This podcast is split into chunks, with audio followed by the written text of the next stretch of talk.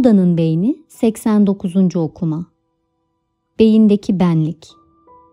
Deneyimlediğiniz pek çok boyutu olan bütün bir kişiliğin sadece bir parçası olan, sürekli değişen ve koşullara bağlı olan bu benlik algısı, beyindeki benliğin fiziksel alt katmanlarına bağlıdır düşünceler, hisler, imgeler gibi sinirsel yapı ve aktivite şablonları tarafından sunulan bilgi şablonları şeklinde var olur. Benzer şekilde görünür benliğin çeşitli boyutları ve bir benlik olmanın derin ve güçlü deneyimi de zihnin ve beynin içindeki şablonlar şeklinde var olur. Asıl mesele bu şablonların var olup olmaması değildir. Asıl sorular şunlardır. Bu şablonların yapısı nedir?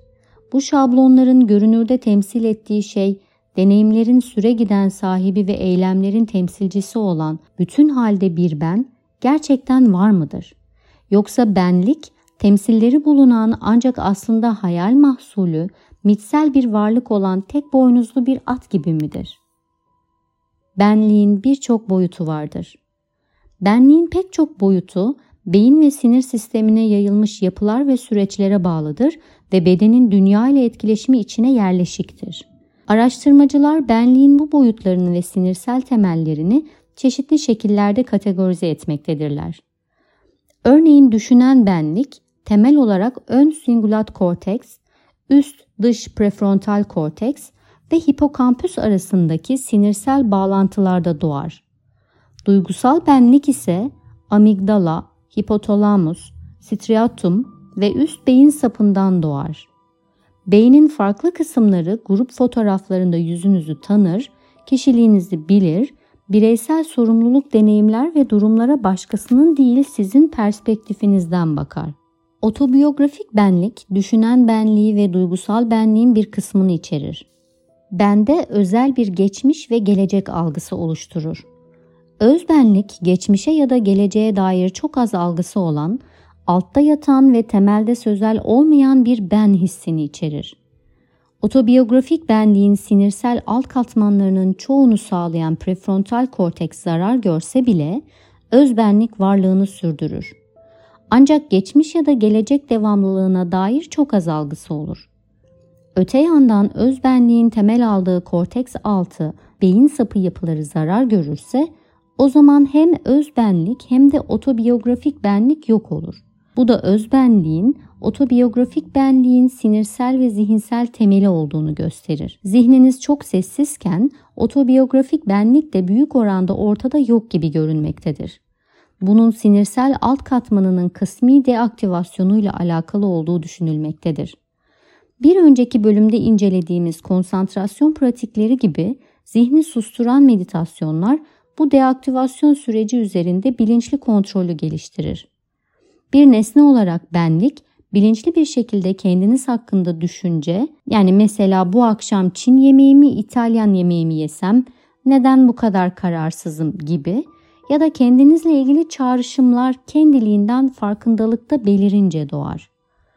Benin bu temsilleri anlık enstantineleri birleştirip zaman içinde tutarlı gibi görünen bir tür benlik filmine dönüştüren bir anlatının içerikleridir. Öyküsel benlik referansı hem orta hattaki korteks yapıları hem de temporal ve parietal lobların kesişimiyle temporal lobun arka ucunu temel alır. Beynin bu bölümleri gibi pek çok başka işleve de sahiptir. Dolayısıyla sadece benlikle ilgili oldukları söylenemez. Benliğin temsilleri her türden diğer zihinsel içeriğin arasında uçuşup durur. Bunlar görünürde nörolojik açıdan hiçbir özel duruma sahip olmaksızın bir deredeki dallar ve yapraklar gibi itişip dururlar. Daha temel açıdan bakarsak özne olarak benlik, deneyimleri deneyimleyen olmaya dair temel bir algıdır. Farkındalığın özünde bir öznellik, belirli bir bakış açısını konumlama mevcuttur. Bu konumlama bedenin dünya ile ilişkisine dayanır. Örneğin bir odayı gözden geçirmek üzere başınızı çevirdiğinizde gördüğünüz şeyler belirli biçimde sizin hareketlerinize bağlıdır. Beyin aralarındaki ortak özelliği bulmak üzere sayısız deneyim dizinler. Bu ortak özellik de onları belirli tek bir bedende deneyimlemektir. Aslına bakılırsa bu bedenle o dünya arasındaki doğal ayrımdan öznellik doğar. Öznellik en genel anlamıyla sadece beyinde değil, bedenin dünya ile süre giden etkileşimlerinde de üretilir.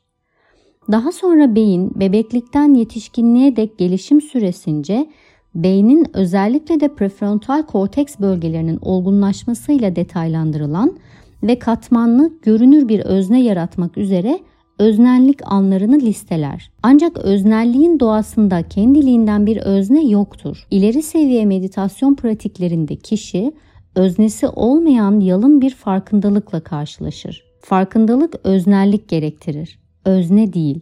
Özetle nörolojik açıdan bakacak olursak bütüncül bir benlik olunduğuna dair günlük hisler tamamen ilüzyondur. Görünürde tutarlı ve sağlam bir ben algısı aslında sabit bir merkezi olmayan, gelişim süresince pek çok alt sistem ve alt alt sistemle inşa edilmiş bir algıdır ve deneyimin bir öznesi olduğuna dair o temel algı da sınırsız sayıda birbirinden farklı öznellik anlarıyla uydurulmuştur.